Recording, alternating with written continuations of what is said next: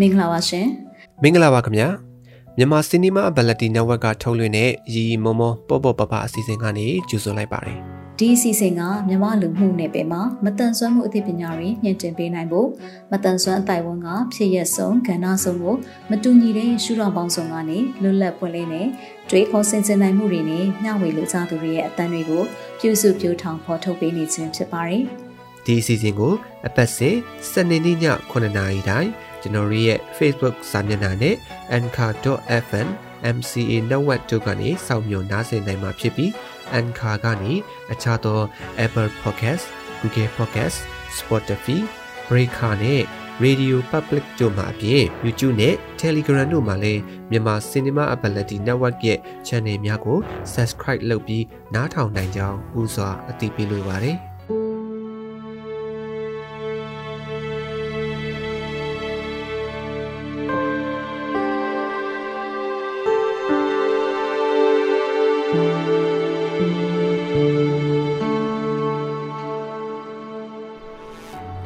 ရီမမောပေါ့ပပပေါ့ကတ်စီစဉ်ရဲ့နားဆင်သူချင်းမိတ်ဆွေများအားလုံးပဲမင်္ဂလာပါ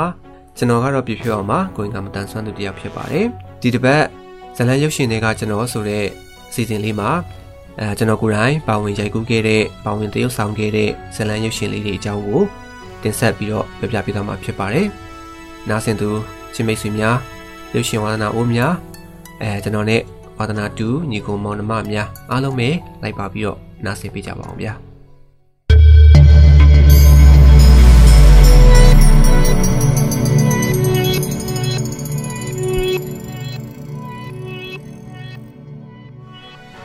ဒီတစ်ပတ်အတွက်တော့ကျွန်တော်ရွေးချယ်ထားတဲ့ဇလန်ရုပ်ရှင်လေးကအာကျွန်တော်ကိုယ်တိုင်သရုပ်ဆောင်နေနဲ့ပါဝင်ရိုက်ကူးခဲ့တဲ့အမြဲတမ်းပြုံးမဲ့သူဆိုတဲ့ဇလန်တူလေးတကားကိုတင်ဆက်ပေးသွားချင်ပါတယ်ဒီဇလန်လေးကတော့ကျွန်တော်ရေးခဲ့ပူးတဲ့ဇလန်လေးတစ်ပုဒ်ဖြစ်ပါတယ်အော်ဒီဇလန်လေးကိုမှကျွန်တော်ကိုင်းကမတန်ဆွမ်းသူတယောက်လည်းဖြစ်တယ်ပြီးတော့ဇညွန်းနဲ့ဒရိုက်တာသမီးမြက်ကျော်ကနေပြီးတော့မှရိုက်ကူးပေးခဲ့တာဖြစ်ပါတယ် အဲကျွန်တော်ကတော့ချစ်စနိုးနဲ့ပေါ့နော်ဟိုအန်ဒီစာကြီးလို့ခေါ်လို့ရှိပါတယ်ဒါကျွန်တော်ရဲ့အန်တီပေါ့နော်ကျွန်တော်တို့ဒီမတန်ဆန်တိုင်းဝိုင်းနေမှာကျွန်တော်ဟိုးအရင်နှစ်ပေါင်းများစွာကလေးကပေါ့နော်ကျွန်တော်တို့စပြီးတော့မှတွေ့ဆုံရင်းနှီးခွင့်ရခဲ့တဲ့ဒါကျွန်တော်ရဲ့အန်ဒီစာကြီးဖြစ်ပါတယ်ဒါသူကိုယ်တိုင်ဇညိုနဲ့ဒရိုက်တာအနေနဲ့ပေါ့နော်တာဝန်ယူပြီးတော့ဒါရိုက်ကူးပေးခဲ့တဲ့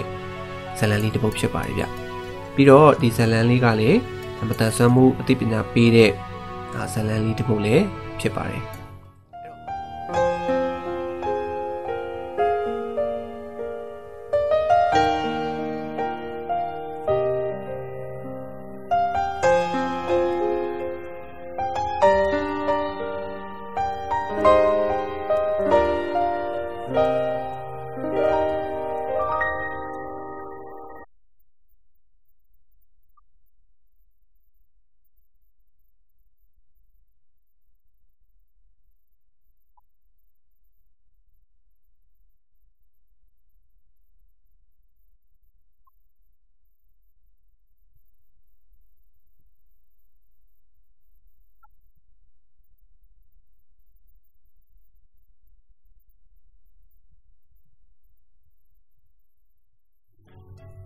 အဲ့တော့ဒီဇလန်ထဲမှာဆိုလို့ရှိရင်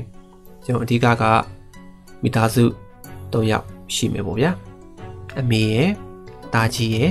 သမီးငယ်ရယ်ပေါ့အဲ့တော့အမေနေရာမှာတော့ကျွန်တော်ဒီရုပ်ရှင်တဲ့ဗီဒီယိုတရုပ်ဆောင်အန်တီထူးမွန်ကနေပြီးတော့မှမြေတံနဲ့ကိုကြီးတရုပ်ဆောင်ပေးထားပါတယ်တာကြီးနေရာမှာတော့ကျွန်တော်ပေါ့ဗျာအဲပြီးတော့သမီးငယ်ပေါ့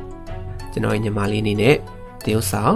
ပန်းတော်တာဖြစ်ပါတယ်။အဲသူကလည်းမေတ္တာနဲ့ပေါ့နော်။ဒါကျွန်တော်စီမှာပါဝင်ပြီးတော့ကုညီတည်ဆောင်ပေးထားကြတာဖြစ်ပါတယ်။နောက်ပြီးတော့ဟိုတခြားသောလူပညာရှင်တွေဖြစ်တဲ့အာကိုငင်းချမ်းကျော်ပြီးတော့ကျွန်တော်ဒီဦးမုံကြီးပေါ့နော်။ဦးမင်းလိုင်းအာပြီးတော့ညီမလေးရှင်မင်းသူစတဲ့ဒီဝါရင်လူပညာရှင်တွေများစွာကလည်းဒီဇလန်လေးတွေမှာပါဝင်ပြီးတော့ကုညီတည်ဆောင်ပေးထားကြတာဖြစ်ပါတယ်။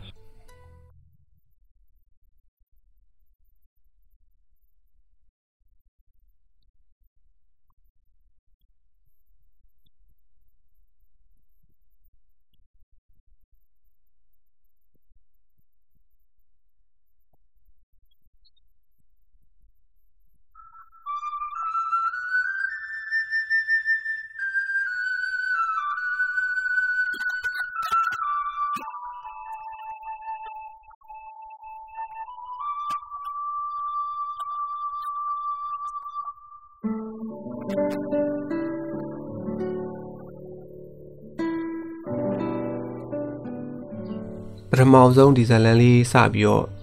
ရေးဖြစ်တဲ့အကြောင်းပေါ့နော်အဲ့ဒါကကျွန်တော်တို့ဒီမြန်မာနိုင်ငံမတန်ဆွမ်းသူများရှေ့ဆောင်အဖွဲ့ရဲ့ဒီမတန်ဆွမ်းမှုအသိပညာပေးရေဒီယိုအစီအစဉ်မှာပေါ့နော်ထုတ်လွှင့်မှုအတွက်ဒါကျွန်တော်ကိုယ်တိုင်ရေးသားခဲ့တဲ့ဇလန်လေးပေါ့နော်အဲကျွန်တော်အဲ့ဇလန်လေးကိုအဲ့ရေဒီယိုအစီအစဉ်မှာထုတ်လွှင့်မှုအတွက်ကျွန်တော်ရေးဖြစ်ခဲ့တယ်စပြီးတော့စိတ်ကူးကလည်း အဲ့လိုပဲပေါ့နော်ကျွန်တော်ဒီမတန်ဆွမ်းအတိုင်းဝိုင်းထဲမှာအခုနောက်ပိုင်းတော့နည်းနည်းတော့ဟိုရှားတော့ပါပြီတိတ်တော့ရှိတော့ဘူးပေါ့နော်နည်းနည်းအဲအမြင်လေးလည်းပွင့်လန်းလာကြတယ်ဆိုတဲ့ခါမှာလေအခုနောက်ပိုင်းတော့တော်တော်လေးတော့ရှားသွားပြီလို့မြင်မိပါတယ်အဲကျွန်တော်တို့လွန်ခဲ့တဲ့လောင်လောင်အကိုပေါ့ဗျာအဲ့လိုခေတ်ကာလတွေအချိန်မှာတော့ကတော့ဒီမတန်ဆွမ်းတဲ့သူတွေအပေါ်မှာရှက်စရာလို့မြင်တာနောက်မတန်ဆွမ်းတဲ့သူတယောက်ဒီမင်္ဂလာဆောင် လို့အလူခန္ဓာတို့ဒီလိုနေရာမျိုးတွေကိုလာရင်အဲအမင်္ဂလာဖြစ်တယ်တို့เนาะဒါမျိုးတွေအာကျွန်တော်တို့ရှိခဲ့ဘူးတယ်ပေါ့နော်အဲ့လိုပဲမိသားစုတွေမှာဆိုလို့ရှိရင်လည်းမတန်ဆွမ်းသူတယောက်ရှိရင်ရှက်စရာတင်ငယ်စရာလို့မြင်ပြီးတော့အာပွဲမထုတ်တာလူတော့မတိုးတာအိမ်ထဲမှာပဲဖွက်ထားတာဒါမျိုးတွေလည်းရှိခဲ့ကြဘူးလေပေါ့နော်ဆိုတော့အဲ့ဒါလေးကိုကျွန်တော်ခံစားပြီးတော့မှအာဒီဇလန်းလေးကိုကျွန်တော်ရေးပြခဲ့တယ်ပေါ့နော်အဲ့တော့ကျွန်တော်စပြီးတော့ radio season အတွက် စပြီးရေးတော့ကတော့ဒါကျွန်တော်တို့ကလည်းဟို radio အစီအစဉ်ဖြစ်တော့ဟိုအစီအစဉ်အစီအစဉ်ရဲ့အချိန်အတိုင်းတာလည်းဟို limit ရှိတာပေါ့နော်ကျွန်တော်တို့အများကြီးလုပ်လို့မရဘူးအာကျွန်တော်တခြားသောတန်လွင်ခန္ဓာတွေမှာလွှင့်ရတာဖြစ်တဲ့ကြောင့်မလို့ပေါ့နော်အဲ့တော့ဒီသတ်မှတ်ထားတဲ့အချိန်အတိုင်းတာအတွင်းမှာစီစဉ်တစ်ပုတ်ပေါ့နော်ဇလန်တစ်ပုတ်ဖြစ်အောင်ဖန်တီးရတဲ့အခါမှာအာကျွန်တော်ဒီစပြီးတော့ကျွန်တော်ရေးပြခဲ့တာကတော့ ဒီဇလန်ထဲမှာဒီမောင်နှမနှစ်ယောက်ကိုပဲအဓိကတည်ပြီးတော့မှအရေးပြခဲ့တယ်ပေါ့နော်ဆိုတော့ကျွန်တော်ကရှေ့မှာပြောခဲ့တဲ့ဇလန်အချင်းတွေရလို့တခြားသောတရုပ်ဆောင်တွေမပါဘူးပေါ့နော်ဒီမူရင်ရေဒီယိုစီစဉ်ရဲ့ဇလန်မှာတော့ပေါ့နော်အာဒီမောင်နှမနှစ်ယောက်ကိုပဲတည်ပြီးတော့မှရေးပြခဲ့တယ်ပေါ့နော်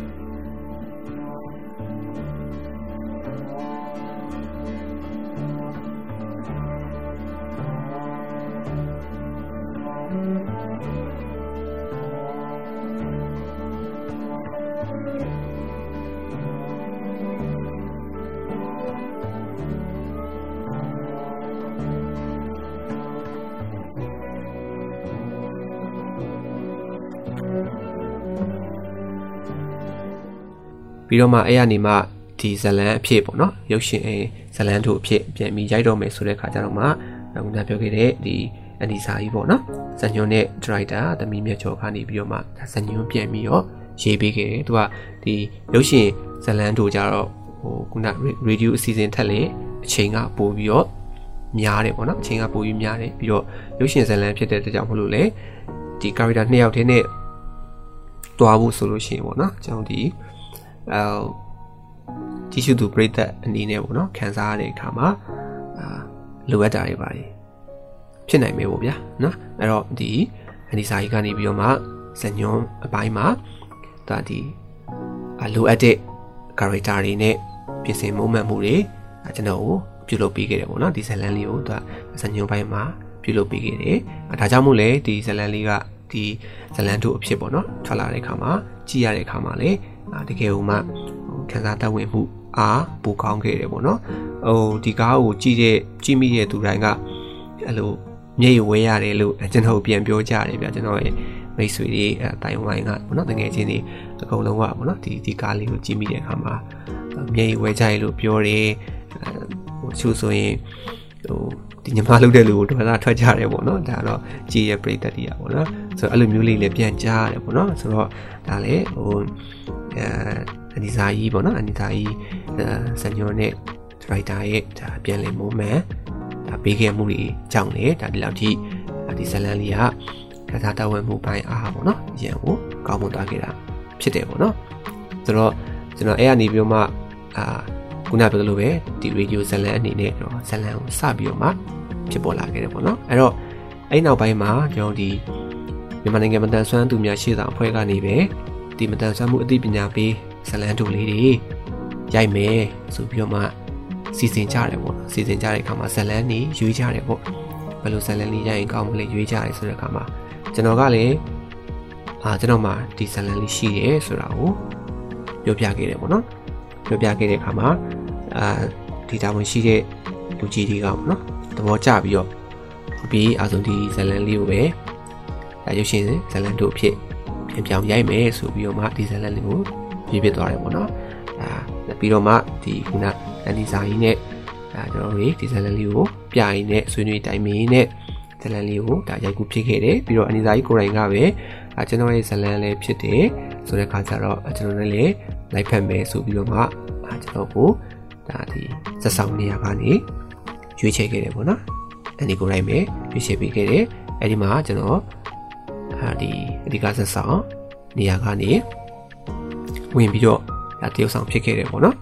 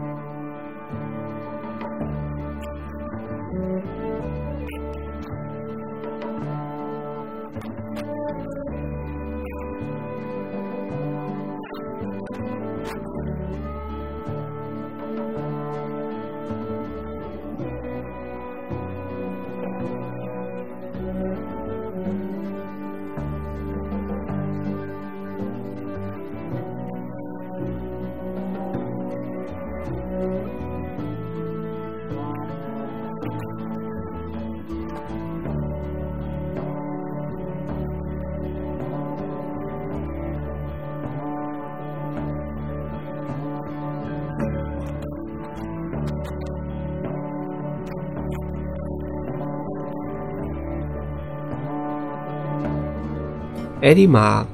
စပြီးတော့ကျွန်တော်ကိုတရုပ်ဆောင်ဖို့ယူရတယ်ပေါ့နော်ယူလိုက်တဲ့အချိန်မှာအဲစတော့ဝမ်းလဲဝမ်းတာတယ်ဗျဘာလို့လဲဆိုတော့ဟိုကျွန်တော်ကဟိုအနုပညာနဲ့ပတ်သက်တဲ့ဝါသနာလည်းပါတယ်ဗျဟိုတော်တော်လက်ဆောင်ကိုဝါသနာပါတာရုပ်ရှင်မှာလည်းပါတယ်ဂီတမှာလည်းပါတယ်စာပေမှာလည်းပတော်များပါတယ်ဆိုတော့ဒီရုပ်ရှင်နဲ့ပတ်သက်ပြီးတော့လေကျွန်တော်အဲ့လိုမျိုးတရုပ်ဆောင်တာတွေပါတယ်ပေါ့နော်လုပ်ကြည့်ချင်တယ်ပေါ့နော်အဲ့တော့ကတော့အဲ့တော့အဲ အဲ့နဲ့ဟိုတ ဒီဇာကြီးကလည်းအဲ့လိုမျိုးကျွန်တော်ကိုတည်ဥဆောင်ဖို့ရွေးလိုက်တဲ့အခါမှာအစတော့တအားဝမ်းသာတယ်ပေါ့နော်စိတ်လည်းလှုပ်ရှားတယ်ဒါပေမဲ့အဲ့ဒီမှာတစ်ခုကပြန်ပြီးတော့စိုးရင်စိတ်ကလည်းဝင်တာဟာငါလုံနိုင်ပါမလားပေါ့တည်ဥဆောင်နိုင်ပါမလားပေါ့တခါမှလည်းတည်မဆောင်ခဲ့ဘူးလေအဲ့လိုမျိုးရုံးဝရိုက်တဲ့အဲ့လိုအသိပညာပေးမတန်းလေးတွေเนาะအဲ့လိုဗီဒီယိုကလစ်လေးတွေမှာပါခဲ့ဘူးတော့ရှိပေမဲ့ဟိုအဲ့လို ခန်းစားနှခန်းစားလေးတွေပေါ့နော်နည်းနည်းချင်းချင်းလေးတွေပေါ့ဒါမျိုးလေးလောက်ပဲပါခဲ့ရတာဆိုတော့အခုဒီမှာကျတော့ကိုကအဓိကဇက်ဆောင်ကြီးဖြစ်သွားပြီပေါ့နော်ဒီဇက်တစ်ခုလုံးကဒီမတန်ဆွမ်းဇက်ကောင်ရဲ့ဇက်ဖြစ်သွားပြီအာတခန်းလုံးအော်တကားလုံးမှာတကားလုံးရဲ့အဓိကကြားတဲ့ဇက်ဆောင်လေးဖြစ်နေတာဟုတ်ဆိုတော့ပြီးဇက်ဝင်ကန်အရာကြည့်မယ်ဆိုရင်လည်းအများဆုံးပြုဆောင်အောင်မဲ့ဇက်ဆောင်ပေါ့နော်အဲဆိုတော့ခါမလေးတည်မဆောင်ဘူးတော့ ဆိုရင်တော့ပေါ့နော်ဖြစ်ပါမလားအာလုံနိုင်ပါမလားဆိုပြီးတော့မှစိတ်ပူခဲ့တယ်ဒါပေမဲ့လည်းဟိုလိုပဲဖြစ်ဖြစ်အကောင်းဆုံးလုပ်မယ်အာတတ်နိုင်ဆုံးလုပ်မယ်ပေါ့နော်စူးစမ်းသင်ယူမယ်ဆိုတဲ့စိတ်နဲ့ပဲအာစပြီးတော့ကျွန်တော်ဒီမှာပါဝင်ပြီးတော့တည်ဆောင်ဖြစ်ခဲ့တယ်ပေါ့နော်အဲ့တော့တည်ဆောင်တဲ့ခါမှာလည်းကျွန်တော်ကိုယ်တိုင်ကလည်းမတန်ဆွမ်းတဲ့သူတစ်ယောက်ဖြစ်တယ် ပြီးတော့မတန်ဆွမ်းဇက်ဆောင်ပေါ့နော်မတန်ဆွမ်း character ကိုသရုပ်ဆောင်ရတဲ့အခါမှာလေဟိုဘယ်လိုပြောမလဲအာတကယ်ဟိုပဲဟိုအဝင်ခွင်ကြဖြစ်တယ်လို့ပဲပြောရမလားဘောနော်ဒါကိုကိုကိုကိုမို့လို့ပြောရတော့မဟုတ်ပါဘူးဒါပေမဲ့ဟိုဇလန်းရဲ့နော်အဓိကဇက်ဆောင်ကမတန်ဆွမ်းတဲ့သူတယောက်ဖြစ်တယ်ပြီးတော့တရုတ်ဆောင်ကိုယ်တိုင်ကလည်းမတန်ဆွမ်းတယောက်ဖြစ်နေတော့ဟို တခြားဒီကြည့်တဲ့သူတွေရဲ့အမြင်မှာလည်းပို့ပြီးတော့မှခံစားတတ်ဝင်မှုအားပိုကောင်းတယ်လို့ကျွန်တော်လည်းမြင်မိရပေါ့နော်အဲ့တော့ပို့ပြီးလိုက်ဖက်သွားတယ်လို့ကျွန်တော်တော့ထင်တယ်ပေါ့နော်ဒါတရုပ်ဆောင်ရတဲ့အခါမှာလည်းဟိုအရင်ကြီးတော့ဟိုခက်ခက်ခက်ခဲကြီးတော့ဟိုအများကြီးတော့မရှိခဲ့ဘူးပေါ့နော်မရှိခဲ့ဘူးအာပြီးတော့ကျွန်တော်ကလည်းဒီအရှိပိုင်းမှာအာရေဒီယိုစီစဉ်မှာဒီအတန်တရုပ်ဆောင်တာစီစဉ်တင်ဆက်တာတွေ လုပ်ခဲ့ဘူးတော့ဒီ dialogue ပြောတဲ့နေရာတွေတော့လေးဦးလေးသိန်းတွေဟိုအရင်ကြီးတော့ခက်ခဲတွေမဟုတ်ခဲ့ဘူးပေါ့နော်ဒါပေမဲ့လည်းတကယ်ဟို professional တရုပ်ဆောင်တွေလို့တော့ဒီမျက်နှာ expression တွေအာဒီမျက်လုံးရဲ့ဒီခံစားတတ်ဝင်မှုတွေစသဖြင့်ပေါ့နော်ဒီတရုပ်ဆောင်တက်ပညာပိုင်းနေနဲ့ကြည့်ရင်တော့ဟိုအားနည်းချက်တွေတော့ရှိတာပေါ့ဗျာဒါပေမဲ့ဟိုအစိမ့်တက်တက်ကြီးအနေနဲ့ပေါ့နော်ဝင်ပြီးတရုပ်ဆောင်ရတဲ့အခါမှာပထမဆုံးအတွေ့အကြုံလည်းဖြစ်တဲ့အခါမှာဘာဖြစ်ဖြစ်ဟိုအစဉ်ပြေပြေနဲ့ အောင်မြင်ခဲ့လို့ပဲပြောရမှာပေါ့နော်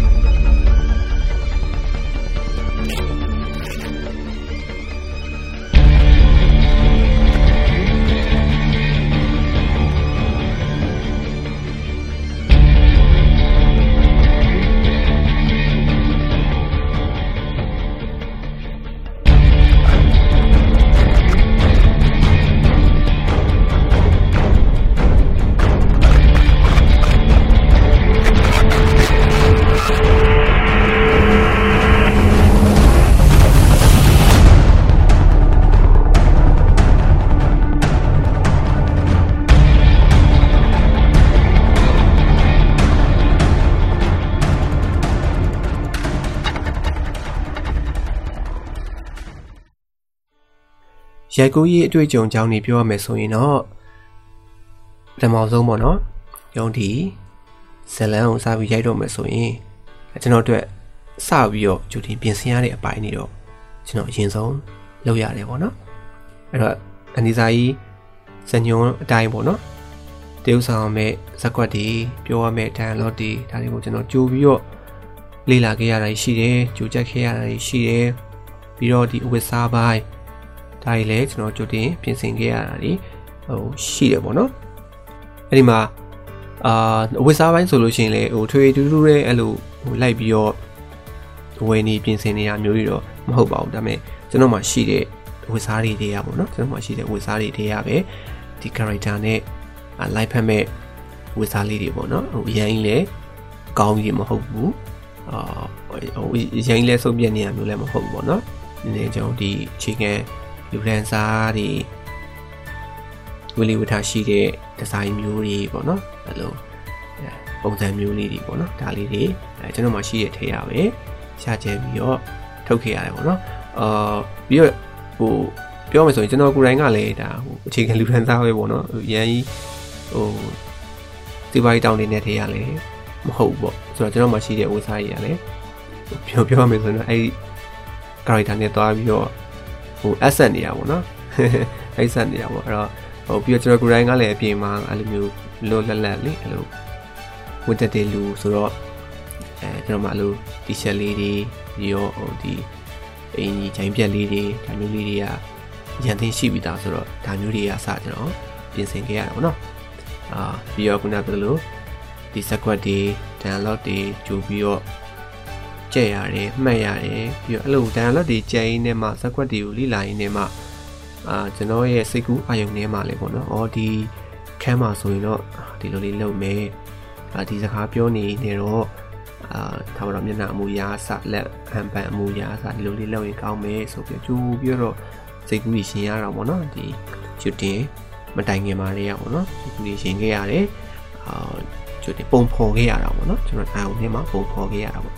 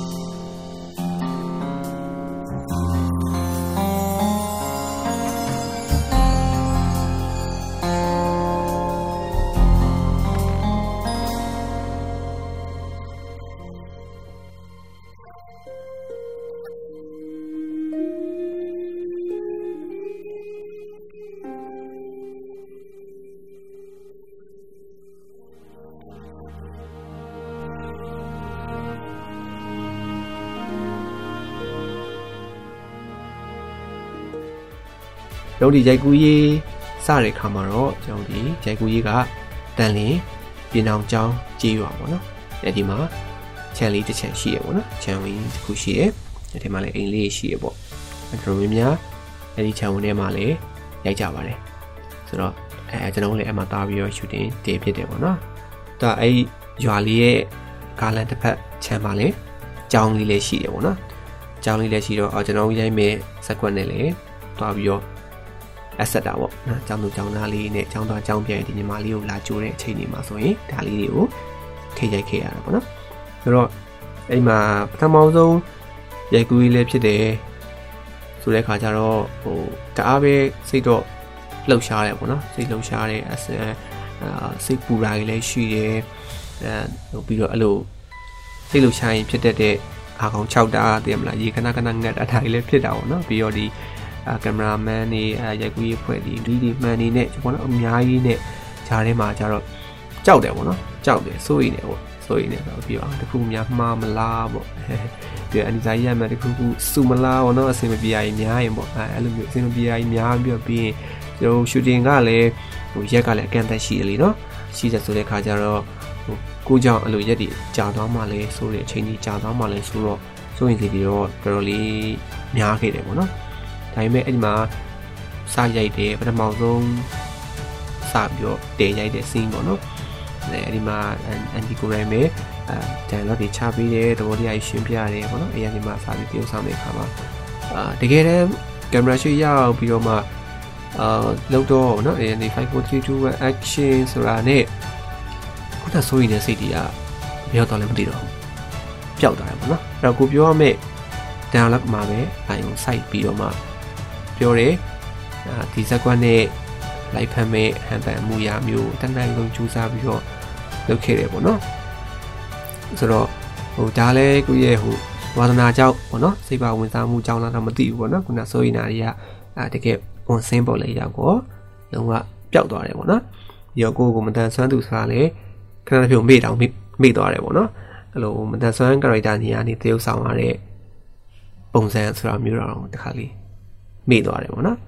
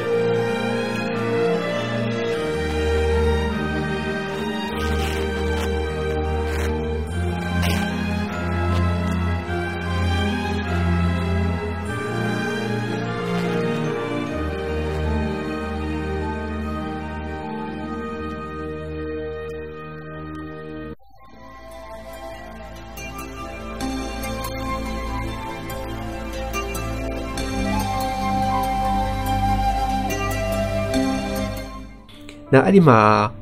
ဟိုမမရရကဘာလဲဆိုတော့ဒီကြောင်းကြိုတဲ့အခန်းနေပေါ့နော်အဲ့ပထမဆုံးဖတ်စင်းမှာဆိုလို့ရှိရင်ကိုကဒီကိုကိုရိုင်ကလည်းကြောင်းသားပဲကိုညီမလေးကလည်းကြောင်းသားပဲကြောင်းသူပဲအဲ့ဒီမှာသူ့ကိုကြောင်းသွားကြိုတဲ့အခန်းပေါ့နော်အဲ့ဒီမှာဆိုလို့ရှိရင်လေကိုကလည်းကြောင်းစိမ့်နဲ့ဖြူစိမ့်နဲ့နော်အဲ့လိုဝေးရတယ်ဆိုတဲ့အခါကျတော့အဲ့ဒီမှာဘာစားတွေ့လဲဆိုတော့ပစိုးအစိမ့်ဝေးရတာပေါ့ပစိုးစိမ့်တော့အဲ့ဒီဇလန်ထဲမှာကျွန်တော်အရှိ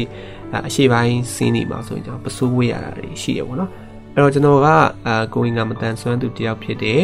အဲပြီးတော့ကျွန်တော်ကဒီ bridge လို့ခေါ်တယ်ပေါ့နော် argue ကရိယာကိုတက်ထားတယ်သူဖြစ်တဲ့အခါကျတော့ကျွန်တော်အမြဲတမ်းအဲ့လိုတသက်လုံးကအဲ့လိုအပြင်သွားရင်ဒီ bridge နဲ့ပေါ့နော်အတူတူအပြင်သွားရင်ဒီပစိုးတစ်ခါမှမဟုတ်ဘူးနှပေါင်းပြီပဲဝတ်တဲ့ style ပေါင်းဝတ်တဲ့ချင်းချင်းပေါင်းပြီးဝတ်တယ်ပေါ့နော်ပစိုးတစ်ခါမှဝတ်လေဝတ်တာမရှိဘူးဘာလို့အဆင်မပြေဘူးလေ ပစိုးဝတ်ပြီးလမ်းလျှောက်ရတာ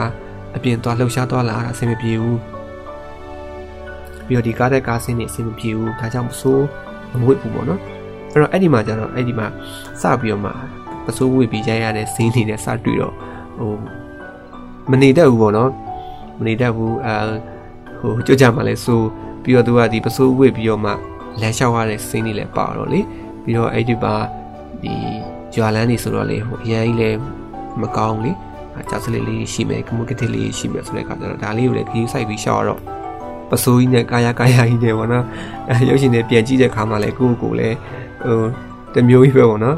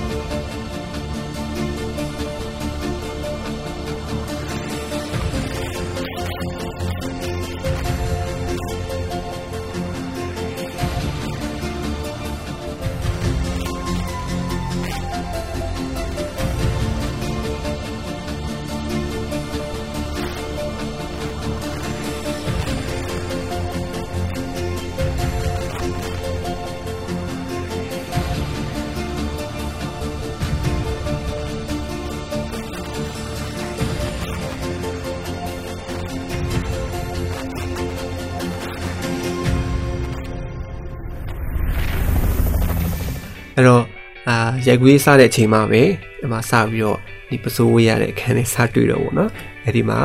အဲဟိုစပြီးတော့လွဲတာဗောနော်အဲဒါမှလည်းအတက်နိုင်ဆုံးကြိုးစားပြီးတော့အဆင်ပြေအောင်ကြိုးစားပြီးတော့ရိုက်ခဲ့တယ်ဗောနော်ပြီးတော့ဒီညီမလေးပန်တော်ရာတို့ဟာဒီယန်ဒီထူမွန်တို့နော်ဒီမွန်ကြီးတို့ဘုံငင်းကျန်းကျော်တို့ဒီတရုတ်ဆောင်နေနော်ညီမလေးရှင်မင်းသူတို့ဟုတ်လားအဲ့တော့ဒီလိုဒီလိုတရုတ်ဆောင်နေနဲ့ဆိုတာလေကျုံးတဲ့အားမှ အဲ့လိုအပြင်မှာတွေ့ဘူးစုံမှုကလည်းမရှိဘူးလေရင်းနှီးကြောင်းမှုကလည်းမရှိဘူးအာတခါမှလည်းအဲ့လိုမျိုးလေတရုတ်မဆောင်ခဲ့ဘူးလေအော်ဆိုတော့ဒီလိုဘာရေးအနုပညာရှင်တွေနဲ့တွေ့ပြီးတရုတ်ဆောင်ရတဲ့အခါမှာလည်းစိတ်လည်းလှုပ်ရှားတယ်စိုးရင်စိတ်လည်းဖြစ်တယ်နော်ကိုကြီးပဲမှားနေမှလည်းစိုးရင်နေပေါ့နော်ပြီးတော့သူတို့ကလည်းမြတ်တာနဲ့လာပြီးတော့သူတို့ရဲ့ဟိုအချိန်လေးတွေကိုဖဲ့ပြီးတော့မှလာပေးပြီးတော့ကူညီပေးကြတဲ့အခါမှာကိုကြောင့်လည်းသူတို့အချိန်ကြီး ဟိုဆုံးရှုံးသွားမှာပေါ့နော်အချိန်ကြီးကုန်သွားမှာဘလို့အဖက်နဲ့အချိန်ကြီးကုန်သွားမှာဒါကြီးလည်းစိုးရင်နေအာအဲ့တော့ကြောင့်မလို့လေဒီစူးစမ်းပြီးတော့တရုပ်ဆောင်တယ်ပေါ့နော်ဒါပေမဲ့ဟိုအမှအဆင်ပြေရတခုကတော့ပေါ့နော်ဒီကဟိုရင်အနည်းပညာရှင်တွေတို့တော်များများကအာကျွန်တော်ကိုဖေးမကြတယ်ပေါ့နော်ဖေးမကြတယ်အာလက်တွဲခေါ်ကြတယ်ပေါ့နော်အာဒီမူယောဂါလို့ဆိုလို့ရှိရင်လည်းတရုပ်ဆောင်နေနဲ့ ကျွန်တော်ပြန်တင်ပြသွားရည်ရှိတယ်ပေါ့နော်ပြပြပြီးသွားလေးရှိတယ်ဒါမျိုးလေးတွေပေါ့ဖေးမမနဲ့ပေါ့နော်ကျွန်တော်ရဲ့တရုပ်ဆောင်မှုမှာအဲသူတို့ကလည်းလိုက်တင်ပေါ့နော်ကျွန်တော်နဲ့အဝင်ခွင့်ချဖြစ်အောင်ပေါ့သူတို့လည်းအဲကျွန်တော်ကရှိန်မတော့အောင်နော်ဟိုအရင်လဲပညာပြရမရအောင်ပေါ့နော်ဒါဒါသမီးတို့နေလည်းကျွန်တော်တို့ထိန်းထိန်းထိန်းသိမ်းနေပေါ့နော်ဖေးမရင်နဲ့လက်တွဲနဲ့တိဆောင်ခဲ့ကြတယ်ပေါ့နော်အဲ့ဒီခါမှာတော့ဟိုအစင် ပြေးသွားခဲ့တယ်အဲ့ဒါခုနလိုစိုးရင်ကြောင်းကြတဲ့စိတ်တွေလည်းမရှိတော့ဘူးပေါ့နော်သူတို့အပေါ်မှာရှိန်တဲ့စိတ်တွေလည်းမရှိတော့ဘူးပေါ့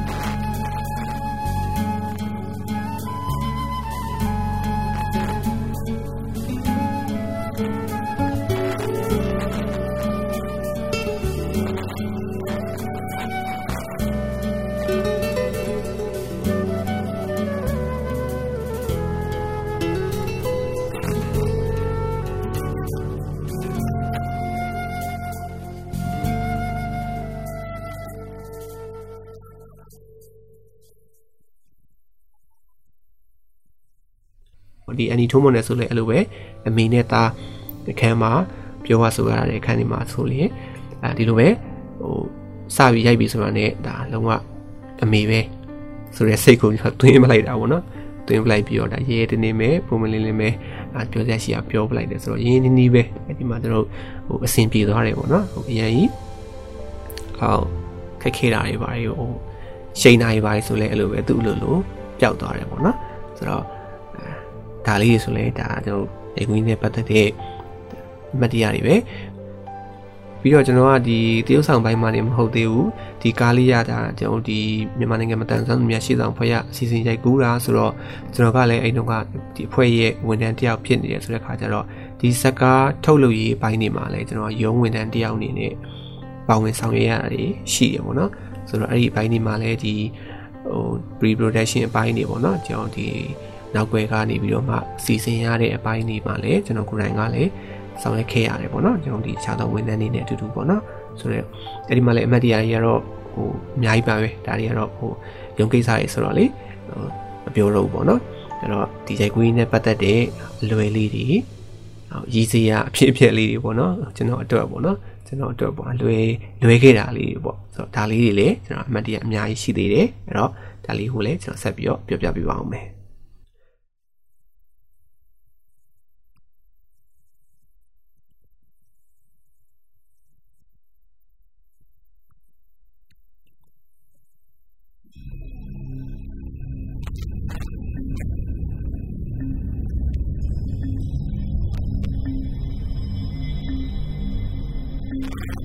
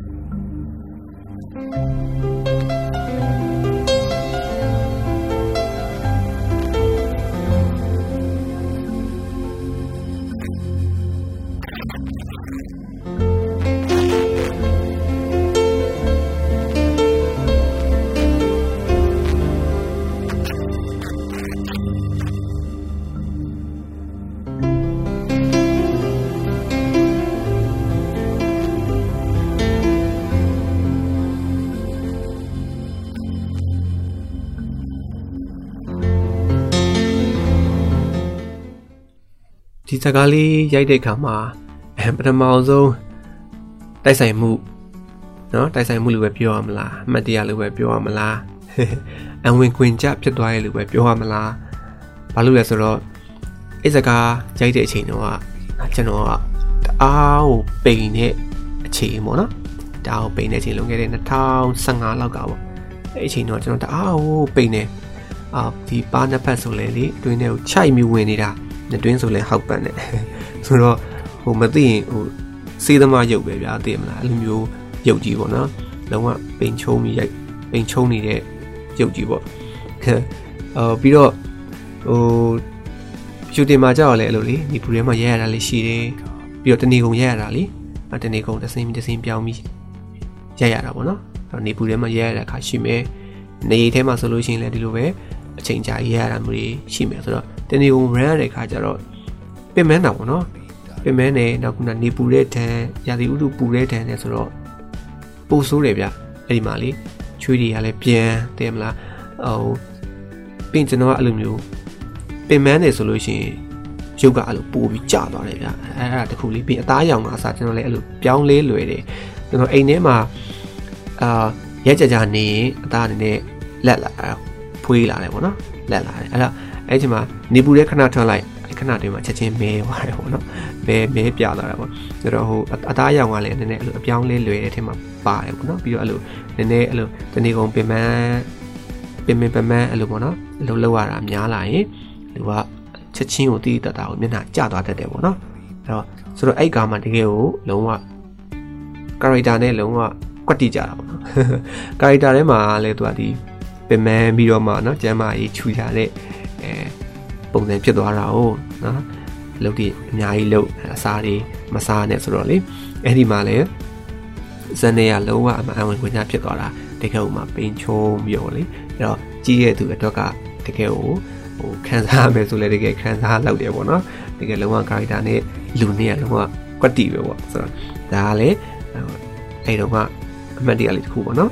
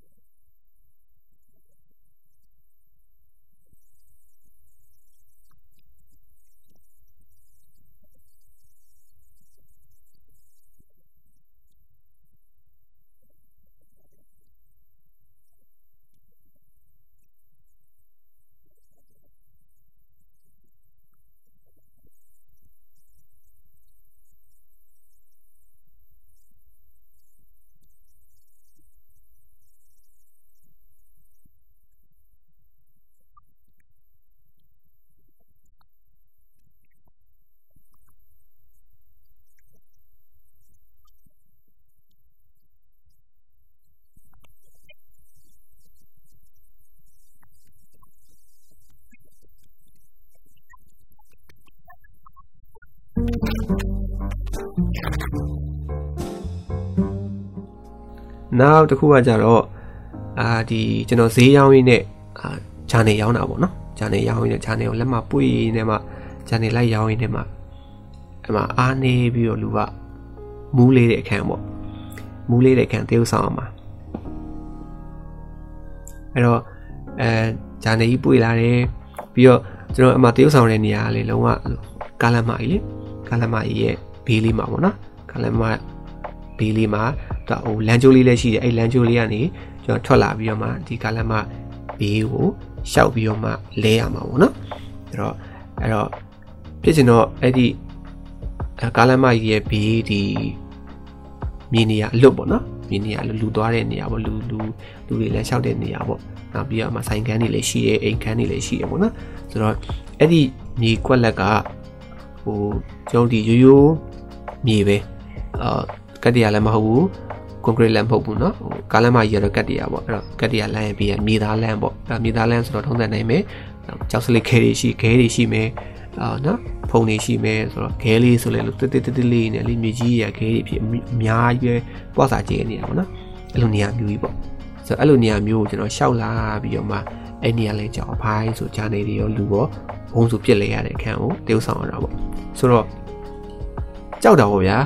စပြီးတော့လေတေးဥဆောင်ရတဲ့ပထမဆုံးအတွေ့အကြုံလေးအဲ့ဒီမှာဒီလူမျိုးခဲခဲလို့မမမမခဲလို့အများကြီးပေါ့မဝုံဆိုလဲပြေးကမှာဆိုတော့ဟောစိုးရင်တာပေါ့နော်ဟိုကြောက်ခွက်လဲကြောက်တာပေါ့နော်ပြီးတော့ဟိုတမင်းအဲ့လိုမျိုးလှုပ်ယူပြီးတော့မှလေလဲသွားတဲ့ပုံစံမျိုးလဲမဖြစ်စေချင်ဘူးပေါ့နော်အပီးဖြစ်မှလဲစိုးတယ်ပေါ့အဲ့ဒါကိုကိုပဲအဲ့ခံမှာစိတ်တင်းပြီးတော့မှဂျာနယ်ကိုပွေလာပွေလာပြီးတော့မှအတကယ်မူးမူးမူးသွားတယ်ဆိုတဲ့ပုံစံမျိုးလုပ်ပြီးတော့မှဘုံဆိုမှ လဲချပလိုက်ရတာပေါ့နော်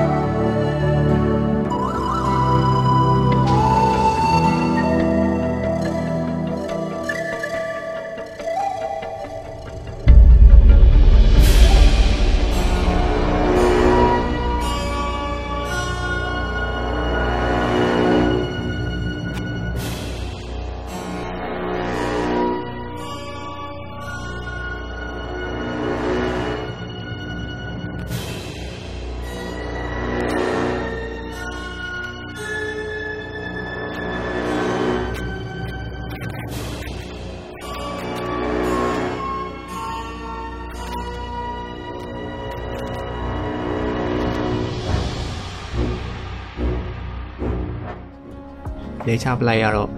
အာအဒီမှာတော့နည်းနည်းဒီတထောင်စစ်တို့လက်ဖြန်တို့ပေါ့နော်ဒါလေးတော့နည်းနည်းတော့ပုံပုံမိသွားတာလေးတော့ရှိအောင်ပေါ့နော်ဟိုအရင်ကြီးလည်းအနာတရားမဖြစ်အောင်လဲပြီးတော့စိုက်လိုက်ရတာပေါ့နော်ပြီးတော့ဒီအာခြေထောက်ဒူးတို့ဘာလို့ကတော့အရင်ကြီးတော့မထီဘူးအာဂျင်းမောင်းမီအထူလဲဝတ်ထားတယ်ဆိုတဲ့အခါကျတော့အာအရင်ကြီးတော့အနာတရားတော့မဖြစ်ဘူးပေါ့နော်ဒါပေမဲ့နည်းနည်းလေးထိခိုက်မိတဲ့ နာကျင်မှုပေါ့နော်ဒါလေးတော့နည်းနည်းတော့အဲ့တော့ရလိုက်တယ်ပြီးတော့အဲအဲ့လိုမျိုးလက်တို့လက်ဖြန်တို့တောင်စစ်တို့မှလည်းအဲ့လိုမြေကြီးနဲ့ပုံမိရဲ့နည်းနည်းပုံပယ်လေးနည်းနည်းလေးတော့ဖြစ်သွားတယ်ပေါ့နော်ဆိုတော့ဒီကတော့ဒီကောင်းလေးပါတယ်မခိုက်မိအောင်ပေါ့နော်ဒါနေရာကြီးထိခိုက်မှုမများအောင်တော့ဒီဆိုင်ရတာပေါ့ဆိုတော့အဲ့ဒီအခန်းမှာလည်းဟိုကတစ်ခေါက်တည်းနဲ့လည်းမပြီးဘူးပြဟိုအစင်မပြေလို့၃၄ခေါက်ပြန်ရိုက်ရတာမျိုးရှိရဲကက်ခွဲလို့ ကျွန်တော်ပြန်ရဲရတာမျိုးတွေရှိရဆိုတော့လေဒီလိုအဲမြေကြီးပေါ်ဆိုလို့ရှိရင်ကျွန်တော်ဟိုကျွန်တော်မှတ်မိသလောက်ပြန်ပြောရရင်အနည်းဆုံးတော့ကျွန်တော်နှစ်ခါနေသုံးခါလောက်တော့မြေကြီးပေါ်လှဲခဲ့ရတယ်ပေါ့နော်အဲ့တော့အဲ့လဲကြတဲ့အခန်းကိုလေဆိုတော့နှစ်ခါသုံးခါလောက်တော့မြေကြီးပေါ်မှာလဲလိုက်ရတယ်ပေါ့ဆိုတော့ဒါကလည်းအဲဒီကားနဲ့ပတ်သက်ပြီးတော့မတ်တရားလေးတွေပေါ့နော်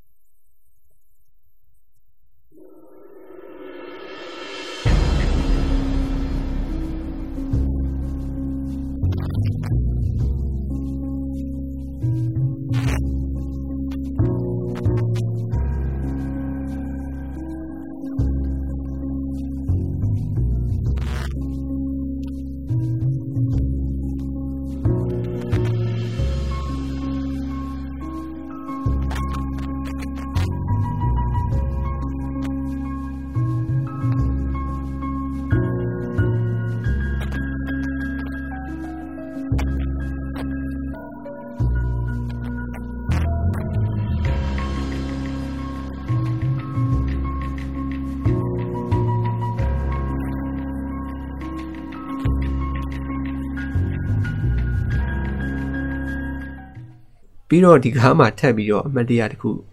ရှိတာကြည့်တဲ့သူတွေအနေနဲ့ဆိုရင်လည်းကြည့်ပြီးတဲ့အခါမှာကျွန်တော်ကိုပြန်စကြတယ်ပေါ့နော်အဲ့ဒါဘာလဲဆိုတော့ဒီမုတ်စားတဲ့အခန်းနဲ့ထမင်းစားတဲ့အခန်းပေါ့ကျွန်တော်အခုနားဆင်နေတဲ့တရရှင်တွေမိတ်ဆွေတွေပြီးရင်လေဒီစကားလေးကိုကျွန်တော်ဒီ YouTube link ရှိပါတယ်အဲ့ဒီမှာတွားပြီးတော့ကြည့်ကြည့်ပါဦးနော်ဆိုတော့အဲ့ဒီမှာထမင်းစားတဲ့အခန်း သမင်းစားတဲ့အခန်းမှာအကူလုံးတဲ့လူကသမင်းစားနေရပေါ့နော်သမင်းစားကိုပြင်နေရပေါ့ဗျာသမင်းစားကိုပြင်နေတယ်အဲ့ဒီမှာဘာရှိလဲဆိုဟင်းကငဆုပ်ပေါ့ငဆုပ်ဟင်းရှိတယ်ငပြည့်တိုးစရာရှိတယ်ပေါ့နော်သမင်းနဲ့ပေါ့အဲ့တော့အကူကသူသမင်းမစားခင်မှာသူညမလေးသမင်းချိုင်ကိုသူပြင်ပေးတယ်ဒါအကြောင်းသွားကန်နေဆိုတော့လေသမင်းချိုင်ပြင်ပေးတယ်အဲ့ချိန်မှာဒါငဆုပ်ကအဲတယောက်နှစ်တုံးပေါ့ဗျာထားပါတော့ဝေစုနဲ့ပေါ့နော်တယောက်နှစ်တုံး ကိုနှစ်တုံးညီမနှစ်တုံးဆိုပြီးတော့ထားထားတဲ့ဟာရှိရပေါ့အဲ့တော့သူကညီမရဲ့ထမင်းကြိုင်တွေကိုညီမရဲ့ကိုတာနှစ်တုံးကိုခတ်ထည့်ပေးလိုက်တယ်ပေါ့အကုန်လုံးတဲ့လူက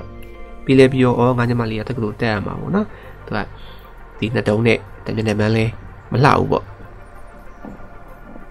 ဝါမှလည်းမဟုတ်ဘူးပေါ့ဆိုတော့သူရဲ့ကိုတာနှစ်တုံးကိုပါသူကတခါတည်းသူညီမလေးထမင်းကြိုင်တွေကိုထည့်ပေးလိုက်တယ်အဲဒါအဲ့တဘောနဲ့ပေါ့နော်ထည့်ပေးလိုက်ထည့်ပေးပြီးတော့ညီမလေးကကြောင်းသွားတယ်ထမင်းကြိုင်ယူသွားတယ်သူက ဒီမှာကြံခဲ့တဲ့ဒီငဆုပ်ဟင်းဟိုအရေးလေးပေါ့နော်ငဆုပ်ဟင်းကကြံခဲ့တဲ့အရေးလေးနဲ့မပြီးနေပဲနေဖတ်ပြီးတော့ပဲစားရတာပေါ့အဲဒါတခန့်ပေါ့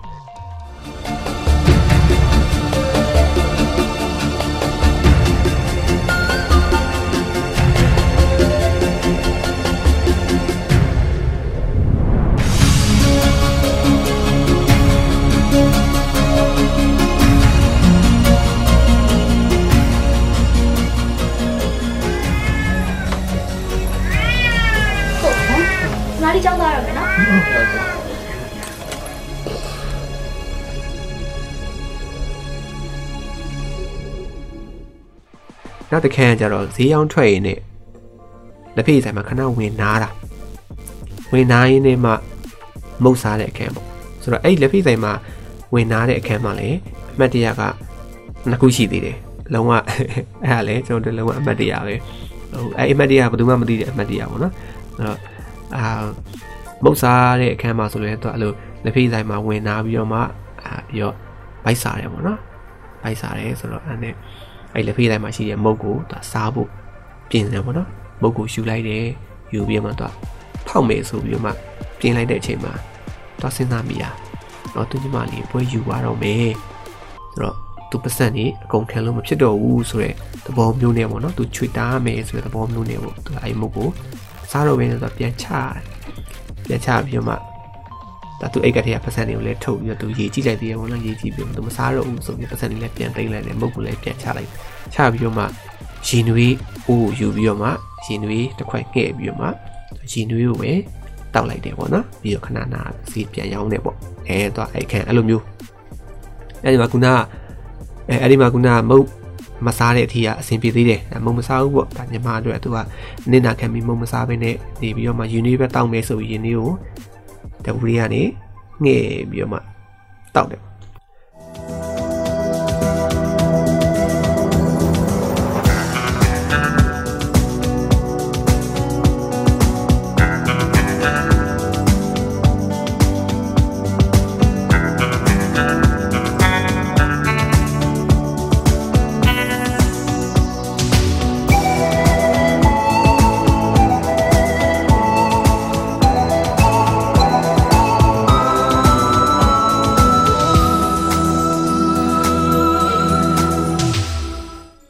အဲ့မှာဘာဖြစ်လဲဆိုတော့ရေနွေးကဓာဘူးတွေကနေခွက်သေးကိုငှဲ့တဲ့အချိန်မှာလဲအငွေ့မထွက်ဘူးဗျာဒီလားအငွေ့မထွက်ဘဲနဲ့ဟိုပူတဲ့အရေးအယောင်လဲသူကမတွေ့ရဘူးပေါ့နော်ဟိုဒါမှမဟုတ်ကျွန်တော်ကပဲတရုပ်ဆောင်နေတဲ့အပေါ်မှာစိတ်ရောက်ပြီးတော့ပဲတတိမထားမိရလားတော့မသိဘူးကတ်တီဒီပဲဟိုဓာဘူးတွေကနေယူနီကွက်တွေကိုလောင်းထည့်လိုက်တယ်ပြီးလည်းပြီးတော့အဲယူနီကွက်ကိုယူပြီးတော့ရှွတ်ဆိုပြီးတော့ဂလုဆိုပြီးတော့တခါတည်းပါဇက်ထဲကိုအဲတစ်ခွက်လုံး တပြိုင်တည်းမော့ပြီးတောက်လိုက်တာအဲဆိုတော့အဲကူကြီးကလည်းဟိုရိုက်နေတာကိုတခါတည်းကျွန်တော်ရိုက်နေတာဆိုတော့ကျွန်တော်အဲ့အချိန်မှာအပူတယ်ဆိုပြီးတော့ဟူးဟူးနဲ့မှုတ်တောက်နေလို့လည်းမရဘူးနော်ခွက်ဆိုတခါတည်းမော့ပြီးတော့တောက်ချပြီးယူနီကလုံးဝပူချစ်နေတာပါဇက်ထဲရောက်သွားတဲ့အခါမှာလုံးဝအဲ့လိုလေးရှာရီပိုင်အောင်ကြက်သွားမလားအောင်မရတဲ့အာဟိုပြန်ပြီးတော့ဖူးဖူးနဲ့တောင်ပြန်ထွေးထုတ်ပလိုက်ခြင်းတဲ့အနေထားပေါ့ဒါပေမဲ့ရိုက်ကူကြီးပြတ်သွားမှလည်းစိုးတယ်အဲ့ချိန်မှာလုံးဝလည်းကောင်းနေပြီပေါ့နော်ဟို ရုပ်ကအရာကလည်းကောင်းနေပြီရိုက်ကူကြီးကလည်းတစ်ချိန်နဲ့ဒါကိုအာတကက်သေးပေါ့နော်အဲ့လိုမျိုးတစ်ဆက်သေးရိုက်နေရဖြစ်တဲ့ကြောင့်မလို့ကိုပြက်ရင်ရိုက်ကူကြီးလည်းပြက်မယ်ကိုလည်းနောက်တစ်ခေါက်ပြန်ရိုက်ရမယ်ဆိုတဲ့အခါကျတော့အမလုံးဝအပူလုံးဝမိတ်စိတ်ခံပြီးတော့လေမျက်နှာတော်တစ်ချက်မမဲလိုက်ဘူးဗျာမိတ်စိတ်ခံပြီးတော့မှခါတဲ့မတင်းအတင်းအဓမ္မမျိုးချလိုက်ရတယ်ပေါ့နော်အလုံးဝပါစတဲ့မှာတော့တော်တော်လေးကိုပူသွားတယ်ပေါ့နော်ဆိုတော့အဲ့ဒါလေးကလည်း အမတ်တရပဲဒီနေ့ပါစတဲ့ရတော့မှပူရဲဆိုပြီးတော့မှတီးလိုက်ရပြီးတော့မှအတင်းကိုခါတဲ့မျိုးချလိုက်ရတာပေါ့နော်ဟိုပြန်လဲအားလဲအားနာတာပေါ့နော်ဟိုတခြားတော့ရိုက်ခွေးအဖွဲ့သားတွေကိုလည်းအားနာတော့အားနဲ့အဲ့လိုပဲမိတ်ကြိတ်ပြီးတော့အယူနီပူယူမြူချလိုက်ရတယ်ပေါ့နော်အဲဒါပေမဲ့အဲအဲ့အချိန်မှာအဲအဲ့ဒါကိုတော့ဘယ်သူမှမသိလိုက်ဘူးပေါ့နော်ကျွန်တော်အဲ့လိုလုပ်လိုက်တာအောင်ဒါလေးကလေမတရားတစ်ခုပဲနောက်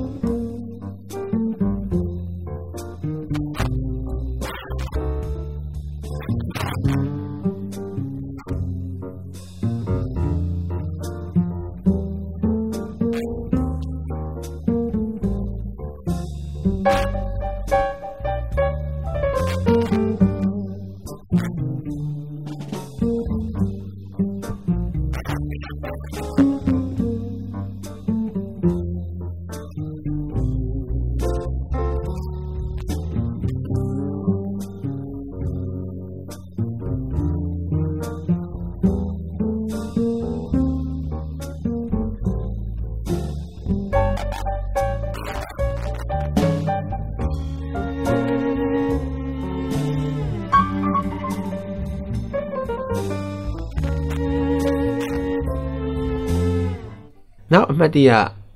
တစ်ခုကအဲ့ဒါပူကြီးတယ်ဗျအဲကျွန်တော်အဲ့ဒီကားရိုက်ကူးနဲ့ပတ်သက်ပြီးတော့ဗောနော်ရိုက်ကူးတစ်လျှောက်လုံးမှာအဲ့ဒီအလွဲကပိုးပြီးတော့မှအကြီးဆုံးပဲအကြီးဆုံးပဲဘာလို့လဲဆိုတော့အဲ့ဒါကနောက်ဆုံးစင်းနောက်ဆုံးစင်းရိုက်ရတဲ့အခန်းပေါ့နော်ညီမလုပ်တဲ့လူကမြေမှန်ရသွားပြီးတော့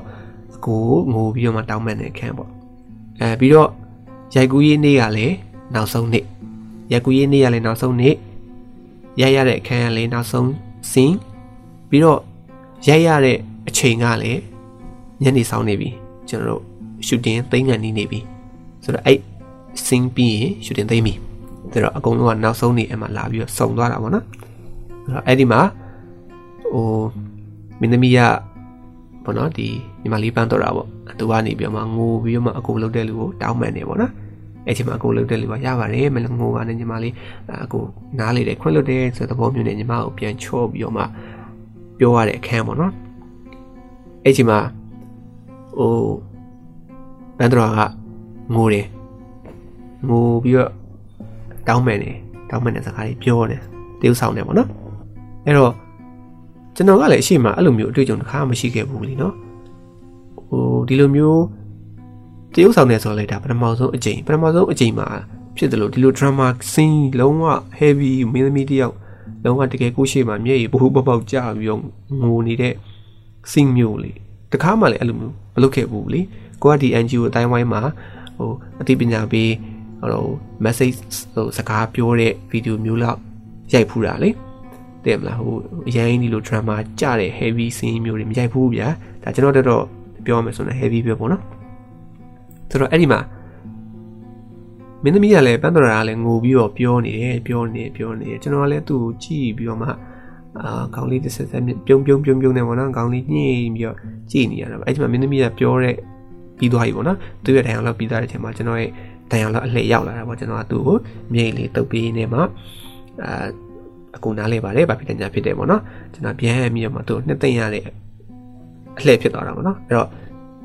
ကျွန်တော်ကကျွန်တော်ပြောရမယ့်အလှည့်မှာကျွန်တော်သူ့ကိုသွားပြီးတော့မှအဲမြိတ်လေးတုပ်ပြီးပြီးတော့မှမိုဘိုင်းနဲ့ညီမလေးရပါတယ်ဆိုတခွန်း download တကြောင်တခွန်းပေါ့တခွန်းတကြောင်တော့မပြည့်ဘူးတခွန်းလောက်လေးပဲပြောရသေးတယ်အဲ့ဒီမှာ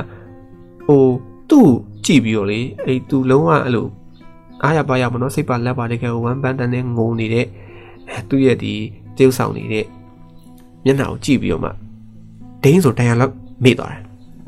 အဘာဆက်ပြောလို့ပြောရမယ်မသိတော့ တကယ်ကြီးကအမှတန်လုံးဝတန်ရလောက်ပျောက်သွားတာပေါ့နော်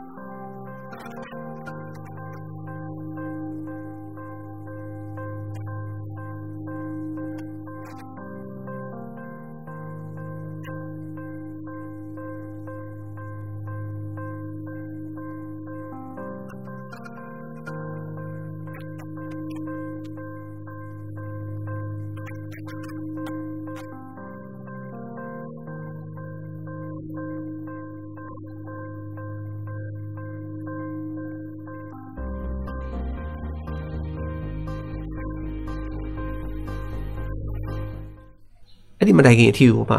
ဒန်လောက်ကလုံးဝ by head ရနေတာလုံးဝရနေတာကိုကလည်းအစားဒီ radio season မှာအတန်သေးဆောင်တဲ့အခန်းလည်းရှိထားပြီးသားဆိုတော့ဒီဒန်လောက်လောက်ကမမေ့လောက်ဘူးပေါ့နော်ကိုကလည်းကိုကိုယုံကြည်ထားပြီးသားတကယ်လည်းမမေ့ဘူးဒါပေမဲ့အဲ့ငိုနေတဲ့အချိန်မှာကျွန်တော်ကပြန်ပြီးတော့သူ့ကိုပြန်ပြီးနှစ်သိမ့်ပြီးစကားပြောနေရတဲ့အချိန်မှာလုံးဝအဲ့ချိန်မှာလုံးဝဒိန်းဆိုလေဒန်လောက်ကလုံးဝမေ့သွားတယ်မိတော့ကြီးပေါ့ပြောလို့ပြောမှမသိတော့ အဲ့လိုဖြစ်သွားတယ်ပေါ့နော်အဲ့လိုဖြစ်ပြီးမှလူလဲဘာလုံးမိမှန်းမသိဘူးเนาะကျွန်တော်ကအဲ့လိုမျိုးအာနေခက်မိမိလေးပေါ့နေနေနေမကောင်းနေတဲ့လူဆိုတော့လေအဲ့လိုခေါင်းအုပ်နှလုံးသုံးလုံးလောက်ဆင်ထားတဲ့အပေါ်မှာကျွန်တော်နေခက်မိမိလေးနေပြီးတော့မှအညီမလုပ်တဲ့လူကိုပြန်ပြီးနှစ်သိမ့်ရတာပေါ့နော်အဲ့ချိန်မှာကျွန်တော်တိုင်လောမိသွားတယ်ဆိုတော့ဟာသွားပြီလို့ဆိုပြီးတော့မှကျွန်တော်လည်းအမှအဲ့မိနေတဲ့နေရာနေမှာလေခေါင်းထောင်လိုက်ခေါင်းထောင်လိုက်မိရပေါ့နော်ခေါင်းထောင်လိုက်ပြီးတော့ကျွန်တော်ဒီရိုက်ကူးကြီးသဘောတရားအရဆိုရင်တော့ဒီကင်မရာကအာဒီ မင်းသမီးနဲ့ကျွန်တော်နဲ့ဟိုသူကကွန်ပိုင်းယူထားတာပေါ့နော်ပြီးတော့မင်းသမီးငိုတဲ့အဆင်းဖြစ်တဲ့ခါကျတော့မင်းသမီးမျက်နှာကိုအသားပေးထားတာပေါ့နော်ပြောမှဆိုကျွန်တော်မျက်နှာတစ်ချမ်းနဲ့မင်းသမီးမျက်နှာနဲ့တဲ့နဲ့ဟိုသူယူထားတာပြီးတော့ကျွန်တော်ကအဲ့လိုတန်လောမေ့သွားပြီးတော့ဟာသွားပြီဆိုပြီးတော့မှမှားသွားပြီးတော့မှခေါင်းထောင်လိုက်တဲ့အချိန်မှာမင်းသမီးမျက်နှာကိုကျွန်တော်ကင်မရာရှေ့မှာဆိုရင်မင်းသမီးမျက်နှာကိုကျွန်တော်ခေါင်းကကွယ်သွားတယ်ပေါ့နော်ကွယ်သွားတော့အဲ့ဒီမှာဆိုမမရဲ့အန်ဒီစာကြီးကလည်းအဲကျွန်တော်ဟို စူတယ်ပေါ့ဗျာစူတယ်ပေါ့ဟဲ့တာဘယ်လိုလုပ်လိုက်တာလဲပြတ်သွားပြီပေါ့နော်ဆိုပြီးအမှန်ဆိုကျွန်တော်မှားတယ်ဆိုလဲမှားတဲ့အတိုင်းနေလိုက်ပေါ့နော်ဒါဆိုကျွန်တော်ဒီ edit မှာပြန်ပြီးတော့ဖြတ်ဆက်ရတာမှာအဆင်ပြေရပေါ့နော်ပြီးတော့မင်းသမီးကလည်းတအားအဲ့ဒီမှာမှုအရန်ကောင်းနေပြီအဲကောင်းနေတဲ့အကက်ကြီးပေါ့နော်တကယ်ကိုရုပ်ရဆိုရင်လည်းလှတယ်ပေါ့ဗျာတည်မလားမှုကလည်းတအားကောင်းနေပြီအဲ့ချိန်မှာကျွန်တော်တောင်းလုပ်လိုက်တော့မှုကိုလည်းဖြတ်တယ်လို့လည်းဖြစ်သွားတယ်ပေါ့နော်အဲ့လိုမျိုးတွေဆိုတော့ကျွန်တော်ကိုယ်လည်း dialogue မိသွားတယ်လို့ ဒီ scene ကိုလည်းသူကဒီဟိုပြောမှဆိုရင်ဖြက်လို့ဖြက်စည်းပေါ့နော်အဲ့လိုလုပ်လိုက်ရလဲရောက်သွားတာပေါ့နော်သူကငိုနေတဲ့မင်းသမီးမျက်နှာကိုသွားပြီးတော့ကွဲလိုက်မိသလိုဖြစ်သွားတော့ဟောအဲ့ဒီမှာလေဒါဟိုထပ်ပြီးတော့လွဲပြန်တာပေါ့နော်ဆိုတော့ဒီမှာလေဒါအမတ်တရကဟိုအမတ်တရကိုပညာရောရတယ်ပေါ့ဗျာအခုနလိုမျိုးဒါမေ့သွားပြီဆိုတော့ဒါဒီလိုမျိုးမလုပ်သင့်ဘူးကင်မရာဘယ်ကနေချိန်ထားရင်အာကိုကဘယ်လိုမျိုးလှုပ်လိုက်ရင်ဒီဟို အသားပေးထားတဲ့ဒီတရုပ်ဆောင်ကိုသွားပြီးတော့နှောက်ယှက်ဖြစ်နိုင်တယ်ပါညာဆိုတော့ဒါလည်းကျွန်တော်အဲ့အရာဒီမှာပညာကြီးလည်းအများကြီးကျွန်တော်တို့သင်ယူရတယ်ပေါ့နော်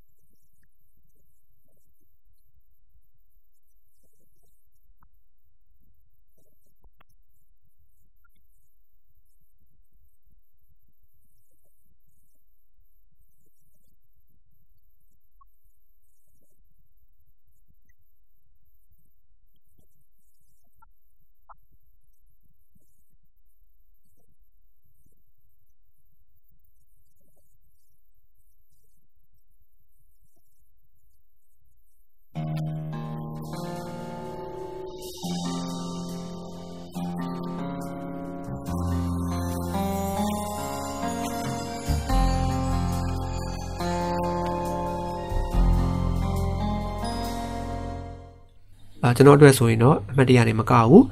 ဒါသင်ယူမှုတွေလည်းကျွန်တော်တို့အများကြီးဒီစကားလေးမှာအများကြီးရခဲ့တယ်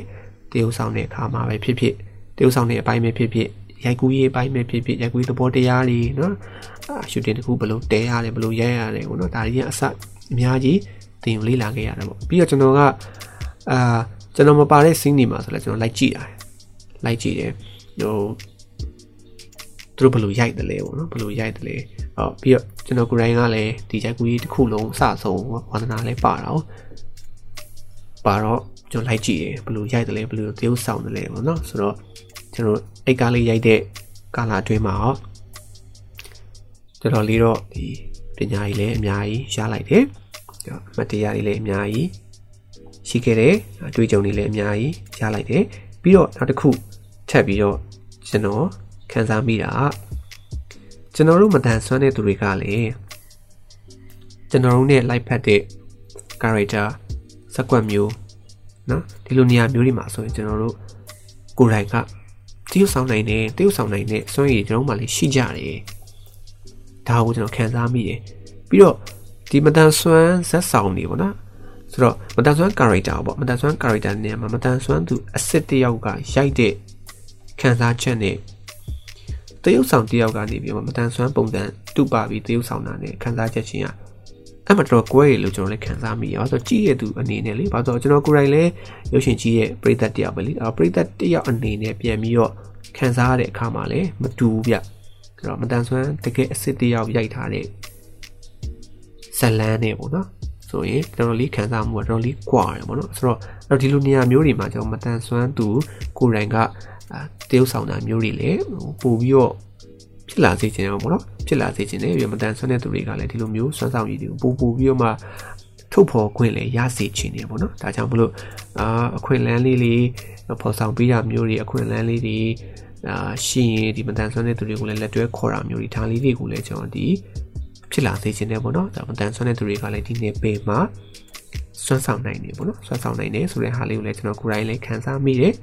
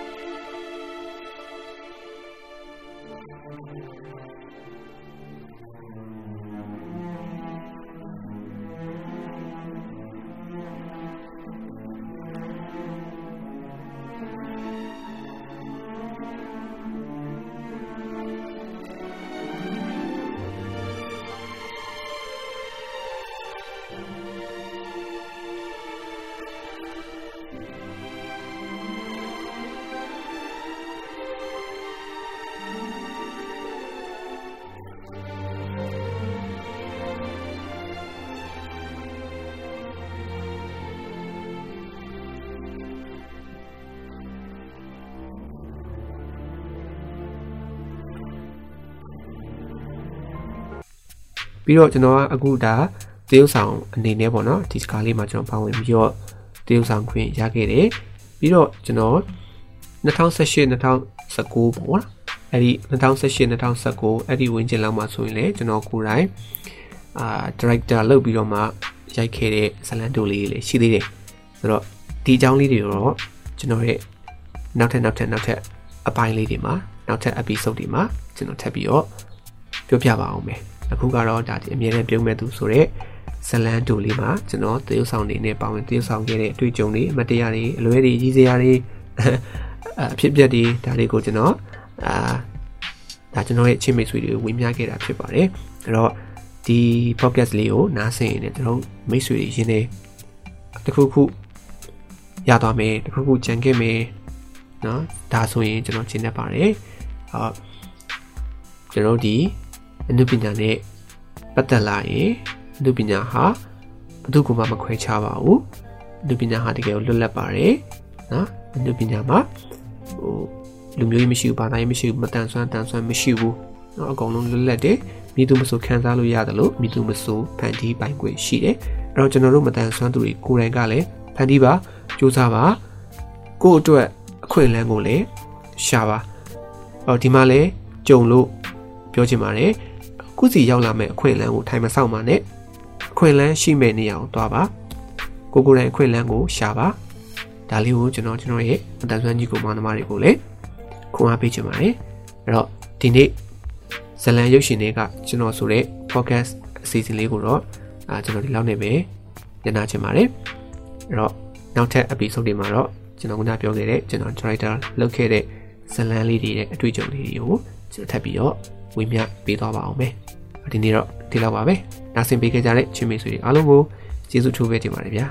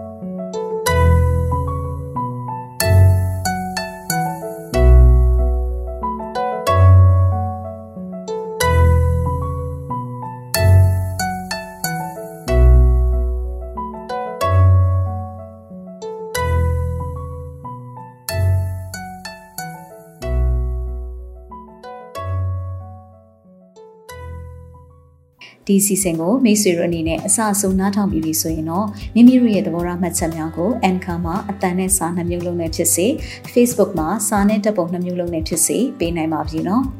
ဒီ season နဲ့ပတ်သက်ပြီးမိတ်ဆွေတို့ရဲ့မှတ်ချက်ပေးခြင်းအကြံဉာဏ်ပေးခြင်းမေးမြန်းခြင်းတို့ကိုလည်းအထူးပဲဖိတ်ခေါ်ပါရစေမိမိတို့ရဲ့ပူးပေါင်းတင်ဆက်မှုအတွက်ဒါမှမဟုတ်စုံစမ်းမေးမြန်းမှုအတွက်